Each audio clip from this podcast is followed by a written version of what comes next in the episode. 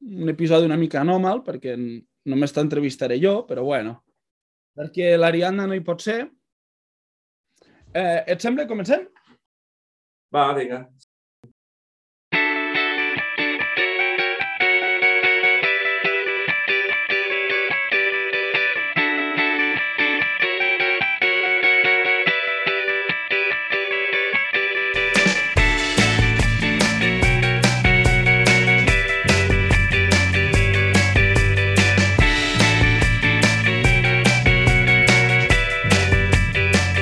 Molt bones a totes i tots i benvinguts a Enginyers del Podcast, l'espai sonor on despullem la professió d'enginyer i naveguem per tots els racons que ofereix aquesta professió.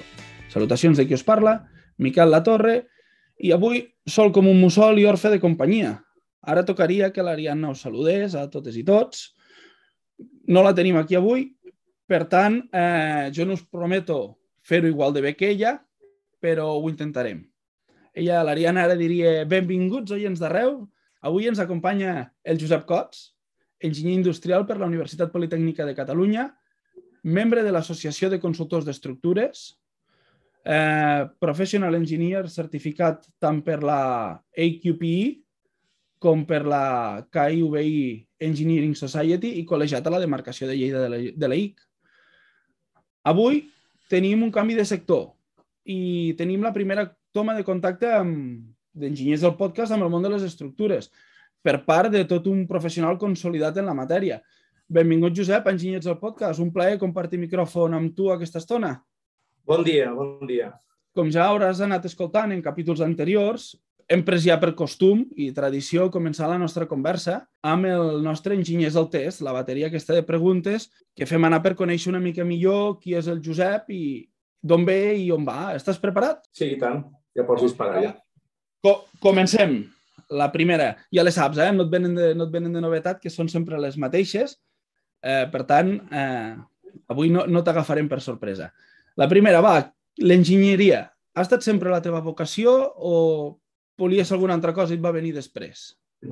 Doncs sí que ho ha estat, perquè el meu pare, el meu pare era enginyer i aleshores bueno, el tenia com a molt idealitzat. En aquella època qui, qui ens educaven eren les mares i els pares eren com a més distants i aleshores pues, suposo que es va crear se'n se, va crear una, una imatge així com idíl·lica no? i aleshores bueno, pues, jo apuntava cap allà però sense tenir molt clar, evidentment, de què volia dir ser enginyer.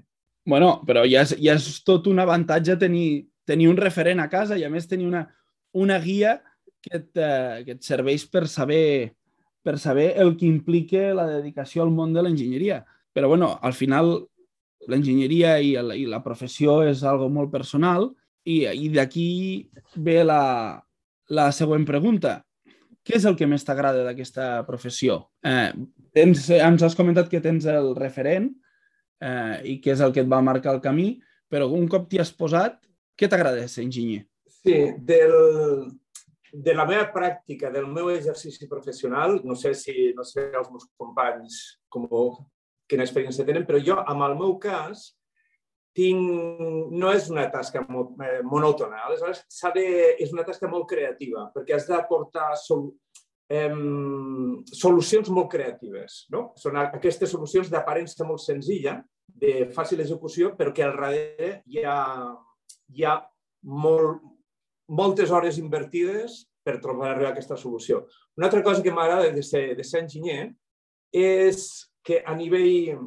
O sigui, el que és la societat té una bona imatge de, de nosaltres. I aleshores, eh, sol pel fet de ser-ho, ja, tu ja t'has guanyat un respecte. I te facilita anar per la vida. Vas, és, vas més còmode, no? Inclús, bueno, i sobretot a l'hora de treballar, pues la gent espera la teva opinió i normalment la respecta.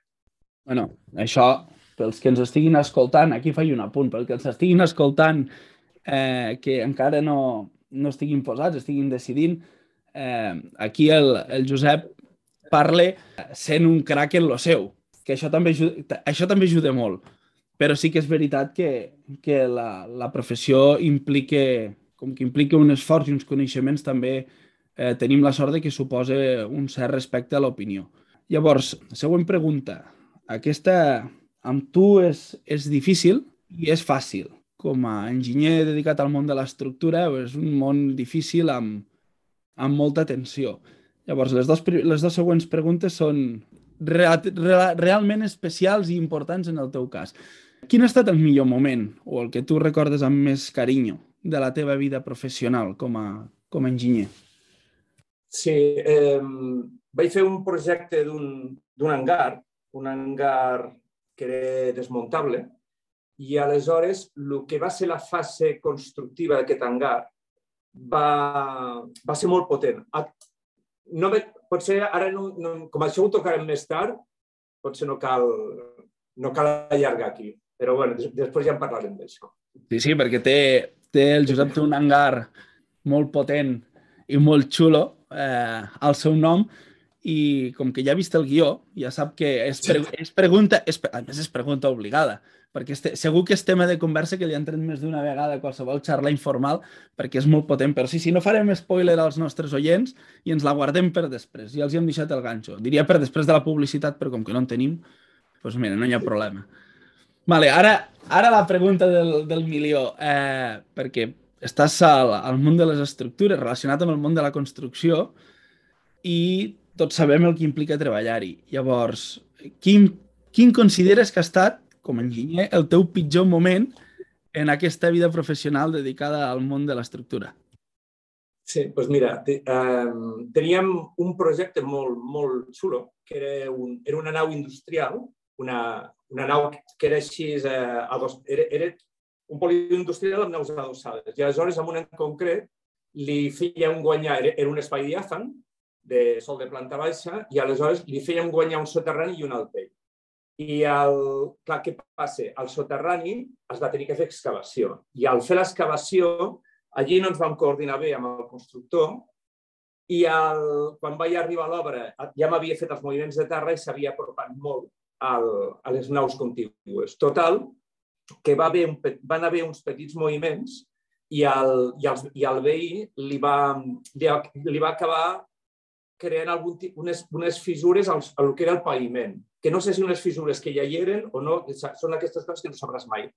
Tot el que vam acabar al jutjat. I la veritat és que el, és molt desagradable, és, és, molt, és una història trobar-te allí assegut i, i, i que t'estan acusant de coses és una, és una cosa que no estem acostumats i l'experiència, la veritat, és que és, és, bastant, és bastant penosa. A més, ens van, vam acabar, ens van acabar culpabilitzant, que jo crec que, veure, jo crec que part de raó tenien perquè el, sí que les terres, alguna, ja se veia alguna fissura al, al, al, al que era la terra i aleshores algun tipus d'afectació van, van tenir, ja, ja van, segur que la van tenir. El que passa és que ens van fer... O sigui, el jutge al final va determinar que teníem que pagar, aixecar tot el paviment, tornar-lo a posar... Una exageració, el que dius. O sigui, en compte de fer una petita reparació, perquè al final eren fissures. Doncs, bueno, doncs total, que la, la cosa va, va ser com a molt, molt, molt desagradable, no? I, bueno, aquest seria el punt més... Vull dir, el tema del jutjat jo crec que és una cosa que difícilment al, final, al, al llarg de la nostra vida professional podem, podem evitar, perquè un dia o altre passen, passen tots, acabem passant per allí.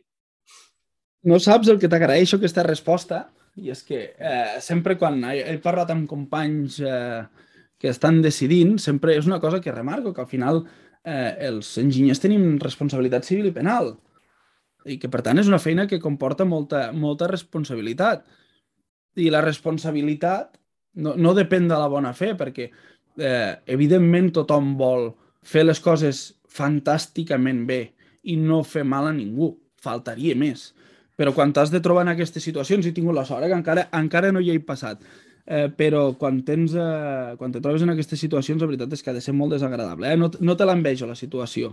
No te l'envejo gens. Però bueno, tot i això, tornaries a dedicar-te a l'enginyeria, si ara poguessis escollir, o pel camí has trobat alguna cosa que t'hagi fet patxoca i que diguis, ostres, ara potser em dedicaria a l'enginyeria o potser em dedicaríem a aquesta altra vessant de l'enginyeria? Sí, mira, el... aquí agafaré un punt esotèric. Eh? El... Si, si, si la vida la vida dura el que dura, dura per això, tu durés 80, 80, 90 anys. Si, si ha de ser així, tornaria a ser enginyer. Totes les vides, no? Sí, sí. Ara, si em diguessis, si nosaltres visquéssim mil anys, per exemple, jo crec que pues, d'aquí, jo que sé, 40, 50, 60 anys, igual em replantejaria la cosa i, jo que sé, pues m'agradaria, per exemple, tocar el món de la música. De, perquè el trobo super apassionant, apassionant, el trobo acollonant. I passats 200 anys més, igual em fotria metge. Però de totes formes el que sí que tinc clar és que l'enginyeria és, és el meu. És el meu i, i és el que realment, vull dir, és el que m'emplena. Bueno, de moment, que sàpiguis, Josep, que hem fet el, el, la quiniela hem fet el pleno al 15 perquè tots els que han passat tornarien a ser-ho i això eh, com a col·lectiu és molt bo. Considero que és molt bo que, que la professió mantingui aquest punt apassionant, aquest punt de d'amor a la professió i de, i de voler i de ganes de repetir.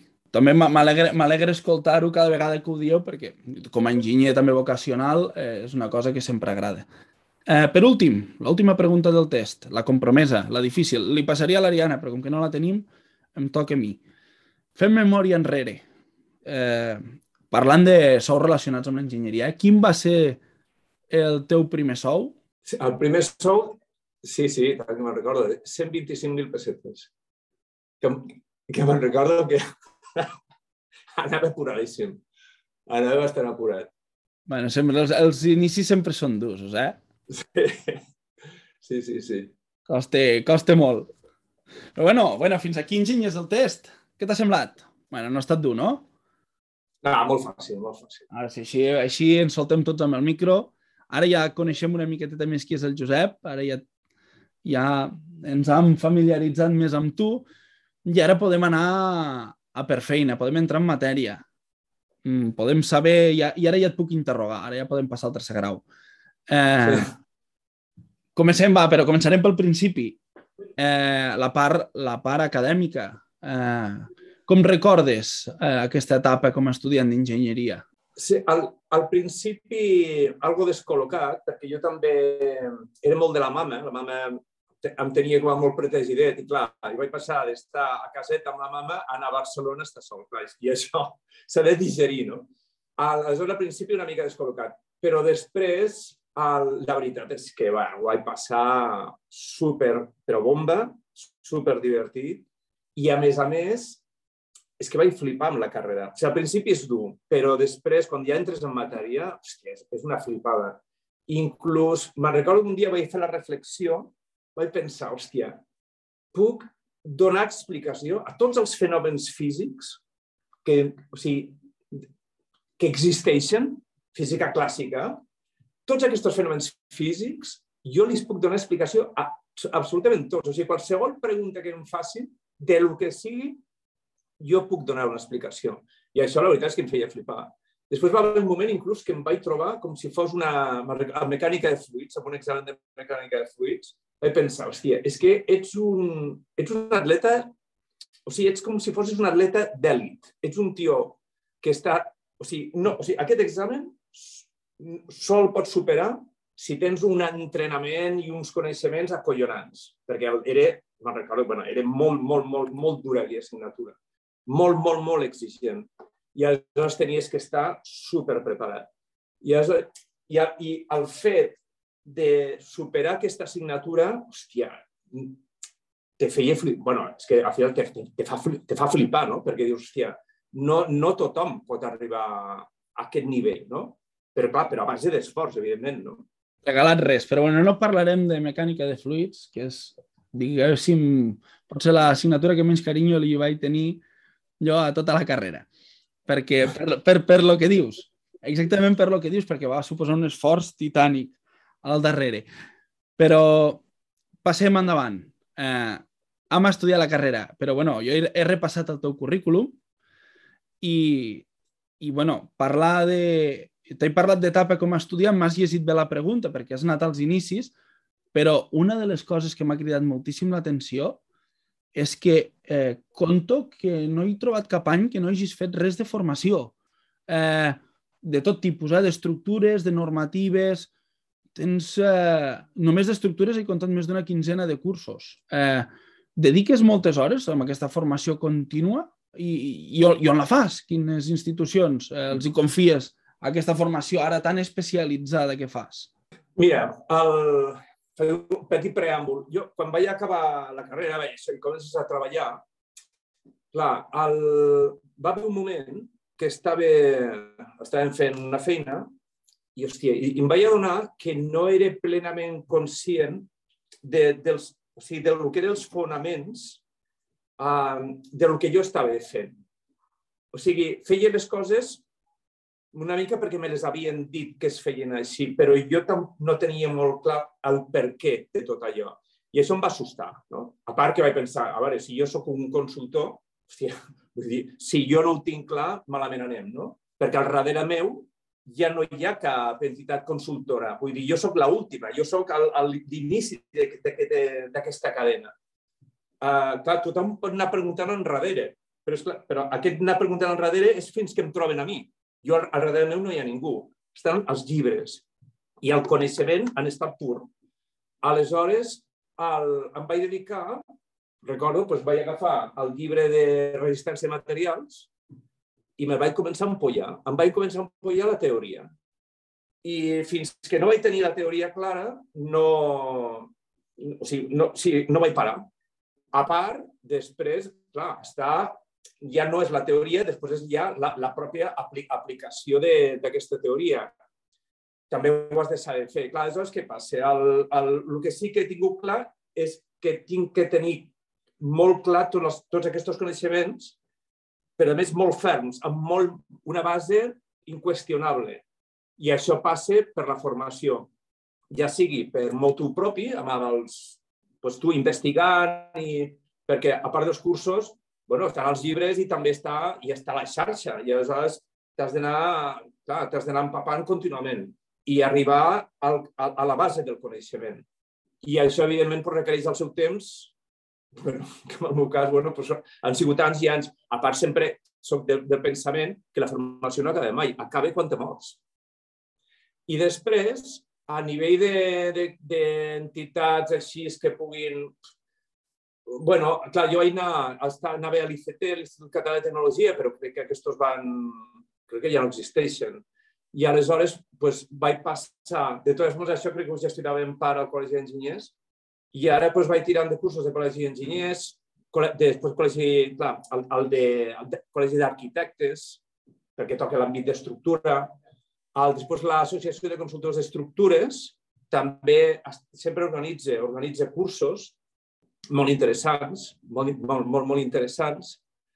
I, i bueno, sí, bueno, i no recordo... bueno, seria, seria aquestes tres entitats. Vale, no, no, va, va molt bé. Jo també sóc eh, un ferri defensor de la formació contínua i eh, aquesta pregunta era molt personal, perquè m'interessa saber d'on treure la part, ja ho saps que també m'agrada i em dedico al tema de les estructures i, per tant, eh, ampliar eh, coneixements eh, sempre és importantíssim i saber d'on la gent bona els busca, també. Anem a parlar d'obres, va.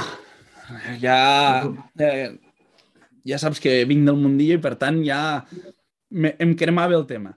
Eh, he vist que, i m'ha sorprès molt, eh, que treballes de tot, treballes l'acer, l'alumini, formigó, fusta, i has fet coses espectaculars amb tots els materials d'on surten aquestes col·laboracions? Perquè normalment tendim a especialitzar-nos molt i un perfil, tot i estar especialitzat, molt especialitzat amb el, amb el tema estructural, amb tanta polivalència de materials, uh, és, és fascinant. D'on surten? D'on treus les col·laboracions per, perquè surtin aquests projectes tan xulos? bueno, pensa una cosa, a veure, la, el que és els, els, conceptes, els conceptes bàsics de resistència materials, elasticitat de resistència materials, teoria d'estructures, tot això és aplicable a tots els materials. Aleshores, l'únic que has de conèixer, cada material té les seves peculiaritats. I això, ja has d'entrar amb això. És... Però clar, eh, al final és qüestió de temps. És qüestió de temps que tu assimilis un material a un altre. Però clar, pensa que ja parteixes d'una base en comú a tots els materials. Aleshores, tampoc és... No és com si diguessis, mira, sóc enginyer i toco el tema d'instal·lacions i ara faig, ara estic tocant una instal·lació elèctrica i ara una, una de climatització. Clar, aquí sí que no tenen res que veure una i l'altra. Com una, una castanya. Clar, exacte. Aleshores, aquí sí que pot ser que cabria més aquesta pregunta de dir, hòstia, com pot ser que... Però en el nostre cas, que toquem el món de l'estructura, com, com compartim conceptes, aleshores no és una cosa que requereixi tant, tant esforç. Ho requereix perquè també pensa que està l'àmbit normatiu, que aquí sí que és molt diferent un de l'altre. bueno, a veure, eh, sí, evidentment, entrar en un material o un altre, sí que, sí que hi ha, un, hi ha molt recorregut de coneixement. Eh? Però, bueno, però, però, però, ja, però ho tens més fàcil que, un, que, que el tema d'instal·lacions. El, després, el, el tema de les col·laboracions, a veure, jo crec que el, els consultors d'estructura, que per cert aquí te, aquí te, te, te faig un petit incís, el, de fet, a, a l'Associació de Consultors d'Estructures ja, ja no diuen ni, no, no diuen ni, ni consultor d'estructura. Ara parlem de projectista d'estructura. Però bueno, nosaltres som consultors, projectistes d'estructura, no, som, no som estructuristes. L'estructurista és el que executa l'estructura. Bueno, jo ho tinc entès així, eh? O sigui, l'estructurista seria el que executa l'estructura i després tenim els consultors o projectistes que som els, els que dissenyem i calculem l'estructura. bueno, cierro parèntesis. Vale. Aleshores, el, en el nostre àmbit de consultors, el, jo crec que és com una feina com molt ja, específica i de responsabilitat i sobretot i de, i de guanyar-te la confiança del client, aquí jo crec que no funciona el tema de, de, de, posar, de posar un anunci, no? Aquí jo crec que més aviat el que funciona és el boca-orella. O sigui, si tu, si tu fas una feina ben feta i ets molt compromès amb la teva feina i, i dones bones solucions, bueno, doncs aquest client al final li acaba dient amb un altre, perquè al final és, hòstia, coneixes algú? Ah, doncs mira, ja ve un, aquest m'ho va fer molt bé tal. I aleshores, pues, anant per aquesta via és, és, és, és per on he anat jo i, i és on, clar, amb el temps, evidentment, eh, arribes a, pues, a, a, a una sèrie de clients els, que són realment xulos, no? Que, que, que ja, bueno, que no xulos, sinó les feines que t'encomanen. Sí, bueno, no t'he volgut tallar, però m'ha semblat interessantíssima la teva exposició, però sí que, evidentment, és veritat que una estructura és una estructura, la facis del que la facis no deixa de ser una estructura, però i ara estaràs molt content amb el, amb el código estructural, eh, que és una lectura molt amena, que te toca fer ara, eh, però sí que, clar, la, la normativa que regeix cada un dels materials és molt diferent i és, i és llarga i és, i és densa i que no se t'escapi res i més si treballes a nivell internacional, doncs, molt, molt més. Tu d'aquests materials Tens predilecció per algun en especial? Tots sabem que hi ha, cadascú té les seves virtuts i, les seves, i els seus defectes i serveix per unes coses sí, per altres no. Però amb algun et sents especialment còmode treballant? Sí, el... a veure, és que cada un té les seves peculiaritats, eh? però el... jo al cap de la llista posaria el formigó armat, perquè el formigó armat, tot i ser... Com, és, és com, en principi és com a torpe, eh? Uh, però l'execució o sigui, de les unions amb formigó armat és com a molt senzilla comparada amb la resta de materials i creïble, sobretot, creïble. Aleshores, és una, per mi, l'estructura de formigó armat és una de les estructures més fiables que hi ha. Sobretot per això, perquè, la, perquè per l'execució dels nusos. Perquè, per exemple, en estructura metàl·lica, o sigui, l'acer és molt més noble que el formigó però la unió, la unió, sobretot si és cargolada, se complica moltíssim. I, el, i, des, clar, i aleshores, a la, a, la, a la que entrem... En, o sigui, a veure, tot es pot resoldre, però a la que les coses se compliquen, el, ja, ja, ja per l'experiència que tinc, ja, ja comencem a anar malament, m'entens? O sigui, ja, la cosa ja, ja per el, o sigui, ja comença per del nord i agafa una, una, una vertent que si vas acumulant coses pot arribar a la, a la patologia. El, I aleshores, bueno, per, per això el tema de formigó. Ara, el, clar, amb, amb, l'estructura d'acer sí, és molt més... És, arribes a llocs que, evidentment, amb el formigó no, és impossible arribar. I després està el tema de la fusta, la fusta és, bueno, és el tema de la visualització de la fusta. O sigui, la, la fusta si ha de quedar vista, llavors podríem dir que sí que és el millor material perquè és, la veritat és que, clar, és que la, aquesta sensació de calidesa que et dona la fusta no te la dona, evidentment, ni la ser ni el formigó, no? No, ja Aleshores, bueno, sí,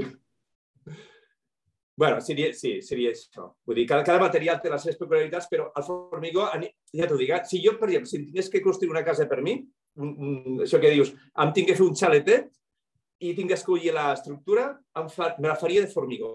No la faria ni de ser ni de fusta. Ara, si aquesta estructura després ha de tenir a dalt una zona guardillada, una golfa, però així és que amb visualització de l'estructura, aquella part de dalt sí que me la faria de fusta. Sí, una bona resposta barrejat. És que tots tenen les seves virtuts i els seus defectes, i això sí que és cert. Sí. Eh, he calculat molts nusos metàl·lics i la veritat és que, clar, porten, porten molta feina i com, ho complica molt més que qualsevol estructura de formigó. Eh, parlant de càlculs, parlant de, de materials, de quin software et sents més còmode ajudant-te? Sí, bueno, saps què passa? Amb el bueno, a veure, hi ha multitud d'aplicacions eh, eh, gratuïtes, però són petites eh, eines, no? que jo tiro bastant, um, tiro bastant d'aquestes eines. Càlcul de, jo què sé, unions soldades, algunes unions cargolades, algunes, eh? Clar, evidentment, a la que són complexes d'aquesta eina ja, ja no pots tirar. Aleshores, bueno, doncs hi ha tota una sèrie d'eines que, que la veritat és que van molt bé. I després, però després ja està el programa per fer l'anàlisi de l'estructura. En aquest cas, a veure, jo tinc CIPE, però tinc CIPE a veure, CIPE té, és, jo considero que CIPE és un programa, un programa molt, molt, és molt àgil a l'hora de treballar una estructura, o sigui, te la ventiles superràpid, eh, però CIPE té un gran problema que, el, que no pots fer, o sigui, no pots fer càlcul no lineal. Aleshores, per exemple, el tema de a la que comences a posar cables ja no, no, bueno, no t'ho pot analitzar i aleshores t'has de muntar unes pel·lícules, t'has de crear, la no linealitat l'has de crear tu a base de crear diferents models. Bueno, és un merder, llavors és un merder. Però, ja t'ho dic, però CIPE és un de, o sigui, he, he provat altres programes i CIPE és super àgil, super. I, a, I més, si, si per exemple, fas un, si projectes un, un edifici de pòrtics de formigó, de típic, la típica casa plurifamiliar de, feta de formigó. Pues aquesta també vas amb una agilitat que és acollonant. I, i és molt, o sigui, però, i, i, i molt més bona que altres programes. Ara, uh, jo què sé, per exemple, està Robot, Robot Estructural Analysis, que aquest, hòstia, aquest li, li passa la mà li passa la mà per sobre. El, però, clar, has d'escollir, perquè no, no pots permetre pagar, pagar tres llicències de programes diferents, no? Aleshores, la, la, clar, jo tinc la, la, la llicència, la llicència CIP, el robot clar, jo no el puc utilitzar. I després està el tinc, tinc formació i he treballat amb Solid, amb SolidWorks, per, sobretot per, per el tema d'anàlisi de per això, unió, unions complexes. I el que passa és que aquest, aquest l'utilitzo a casa d'un client. Perquè, clar, jo tampoc... Clar, aquest, la llicència, a part, la llicència és, és que és una barbaritat. És que, clar, és, és, és una putada. És una putada perquè el, el, amb llicències de programes, hi ha llicències de programes que són verdaderes exageracions. Robot ho és també, eh? perquè a més Robot pagues un tant, però sí, així és com tu, CIPE, pagues i tens la propietat del programa i pagues, després pagues un manteniment. Amb Robot pagues, has d'anar pagant Sí, lloguer. No sé, una... Lloguer, lloguer anual, lloguer anual. A més, el robot l'has d'agafar amb el paquet amb un paquet d'Autodesk, amb una col·lecció i val, i val uns calerons. No ens posarem amb el tema del frau de les llicències perquè, perquè tenim per parlar tres hores. Sí, un últim, un últim apunt amb, amb l'àmbit de, de, de software. Que FIPE, un altre avantatge que té, és que a Espanya està, eh, o sigui, està molt, molt, molt, molt extès aquest programa. Aleshores, si t'han de validar una estructura, doncs tu pots agafar i envia el model de càlcul. I aleshores, aquella persona que t'ho ha de validar, si en compte d'enviar-li llistats i, i gràfics d'envoltants d'esforços i coses així, que una informació que és molt difícil d'analitzar, tu envies el programa i aleshores l'altre tècnic, amb un, apretant un botó, ja sap si aquella estructura funciona o no. I és un avantatge, però això... El te... Soc molt fan de Cipel, el que passa és que sí que eh, amb el tema de llicències no ens hi posarem perquè estic molt d'acord amb tu en que realment eh, hi han preus que són desorbitats i que no t'ho permeten pagar, no sé que siguis super especialista i el facis anar full time. Però bueno, eh, en la, resposta, la resposta em serveix. Eh, passo ràpid per la pregunta aquesta. Ho hem comentat abans a micròfon tancat, que està sol, per tant, quasi que amb això ja contestes sí. la pregunta. Volia preguntar si feies també la delineació dels projectes o si delegaves aquestes tasques amb algú. Sí, no, no, la, me la faig jo i per una raó molt senzilla. O sigui, va, va, vaig, jo vaig arribar a tenir delineant, però jo era, un, era un coladero d'errors. Perquè, clar, jo li passo... Si jo, Perds el control. Sí, clar, perquè tu li, li passo, el Denian fa, ara ho tinc que revisar, detecto errors, els corregeix, tinc que tornar a revisar, poden haver, se poden mantenir errors. Clar, arriba un moment que, el, o sigui, a veure, clar, primer, que amb tanta revisió i tant, temps que invertia amb les revisions, el, clar, jo perdia un temps allí, aleshores tampoc em sortia tant a compte. Després no sortia de la forma que a mi m'hagués, que, que jo hagués fet per fer-ho més entenedor. Total, que al final no, no em sortia a compte. I va dir, prou, prou, i sobre, però sobretot el més important, els errors. Aleshores, el, jo treballo amb, amb un programa de CAD que és, que és acollonant, que és el All Plan, que és un programa, és d'arquitectura, de fet, però és, és mm, superàgil si tothom treballa, bueno, molta gent treballa amb AutoCAD, el, aquest, és, aquest és un programa alemà que, és, ja t'ho dic, eh, és, és boníssim i és molt àgil, és molt àgil. I, el, bueno, i al final la delineació me l'acabo fent tot allò i acaba sortint amb el... Clar, acaba sortint, o sigui, al final si hi ha un error és perquè la conversió, no hi ha un tercer. I després els, els formats, tot l'explicació, els detalls, doncs són els, els que jo considero que han d'anar. I ara, això sí, doncs jo abarco el que abarco. O sigui, això doncs, potser fa que jo, clar, jo no pugui...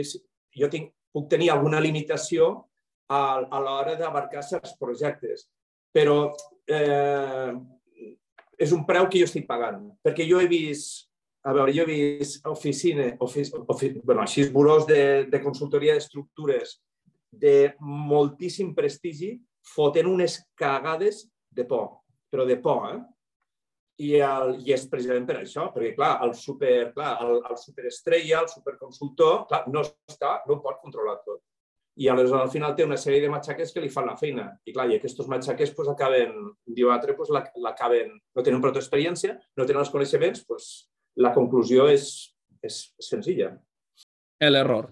bueno, va, acabarem, acabarem l'entrevista, però eh, al principi havíem fet un spoiler i havíem promès que parlaríem d'una cosa i no podem marxar sense parlar-la que és que ens faci 5 cèntims d'aquest hangar tan xulo que, que hem vist, desmuntable, traslladable en contenidors marítims, eh, i gairebé, gairebé et va suposar guanyar el premi de l'Associació la, de Consultors al 2019. Eh, per fer-nos 5 cèntims, quins reptes et va suposar aquesta, aquesta sí, obra? Sí, mira, això era cap al 2015, l'Exèrcit de Terra espanyol va treure un, a concurs un hangar amb una sèrie d'especificacions.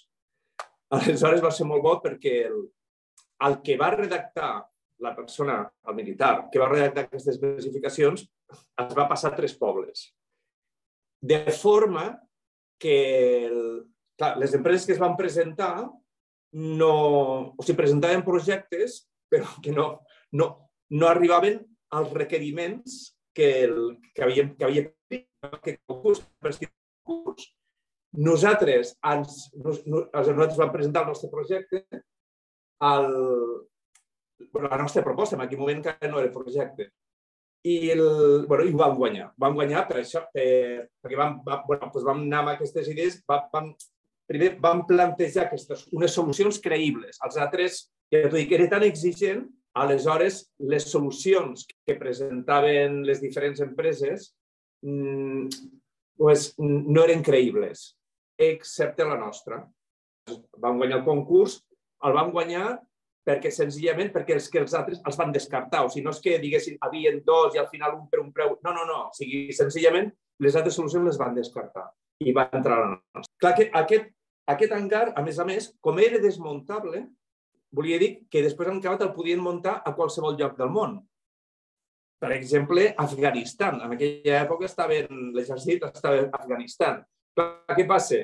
Que aleshores les càrregues climàtiques que s'exigeixen són, molt, són, clar, són prou altes com perquè així siguin compatibles amb un lloc remot que tu puguis enviar, on hagi, doncs, per exemple, a Afganistan, a la zona on estaven, doncs, nevava molt, per exemple, i, i, i també tenien molt aire. El, bueno, aleshores, ja t'ho dic, a nivell de càrregues era, eren altes. A això se li tenia que afegir un pont grua amb una càrrega de servei de dos tones. Però clar, això és la càrrega de servei, però és que aquesta càrrega de servei li sumes la càrrega del propi pont grua i te'n vas a quatre tones i mitja que han d'estar suspeses d'una coberta d'una coberta lleuger, o sigui, ultralleugera, perquè això, després, perquè això s'ha de poder muntar i desmuntar. Aleshores, està fet amb alumini i, i, és, i és molt lleuger. I això ha de suportar aquests, aquestes quatre tones i mitja.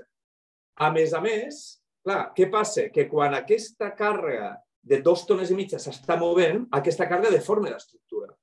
Perquè la càrrega respecte la rigidesa de l'estructura, aquesta càrrega és molt alta. Perquè, insisteixo, vull dir, és, tot plegat és molt, és molt esbelt. Aleshores, va, va haver un moment, per exemple, que l'empresa que subministrava de pont grua ens deia que no, que aquest grua no, no, no, no podia funcionar amb aquesta, perquè, perquè les, els carrils del pont grua, un respecte a l'altre, pues baixava, baixava massa, baixava, era una exageració el que baixava. Això és el que ens deia el model de càlcul. És el que li diem nosaltres, que, pues, que evidentment va ser així. Al, I aleshores ens deien, no, no, això no pot funcionar. Però clar, aleshores nosaltres li dèiem, no, escolta, però és que en realitat no és que baixin un respecte a l'altre. O sigui, sí que tu veus que baixin, però és que en realitat és que, és que gire tot. Aleshores, el que és... El, clar, aleshores no és exactament que baixi, és que gire perquè... bueno, ja, ja s'entraria en un tema molt, com a més complex, però vamos, la qüestió és que nosaltres enteníem que allò sí que podia funcionar. I vam tirar endavant. Però bueno, que havia, havia com a molt, molta pressió perquè hi havia moltes coses que és que no les teníem, no, no, no, estaven clares. Aquí estic parlant en plural, però en realitat era jo que... Perquè aquí estava sol fent el projecte. Aleshores, Vale. I després, la, clar, i l'últim és que tota aquesta estructura es tenia que, que, que desmuntar, desacoplar i, i posar-la dins de contenidors de 20 peus. O sigui, no són els que són la meitat del típic contenidor de camió que estem acostumats a veure. O sigui, la cosa tenia que quedar una cosa minúscula. bueno, i després, el, bueno, clar, tot plegat va ser, va ser molt, molt, molt complex, molt complex.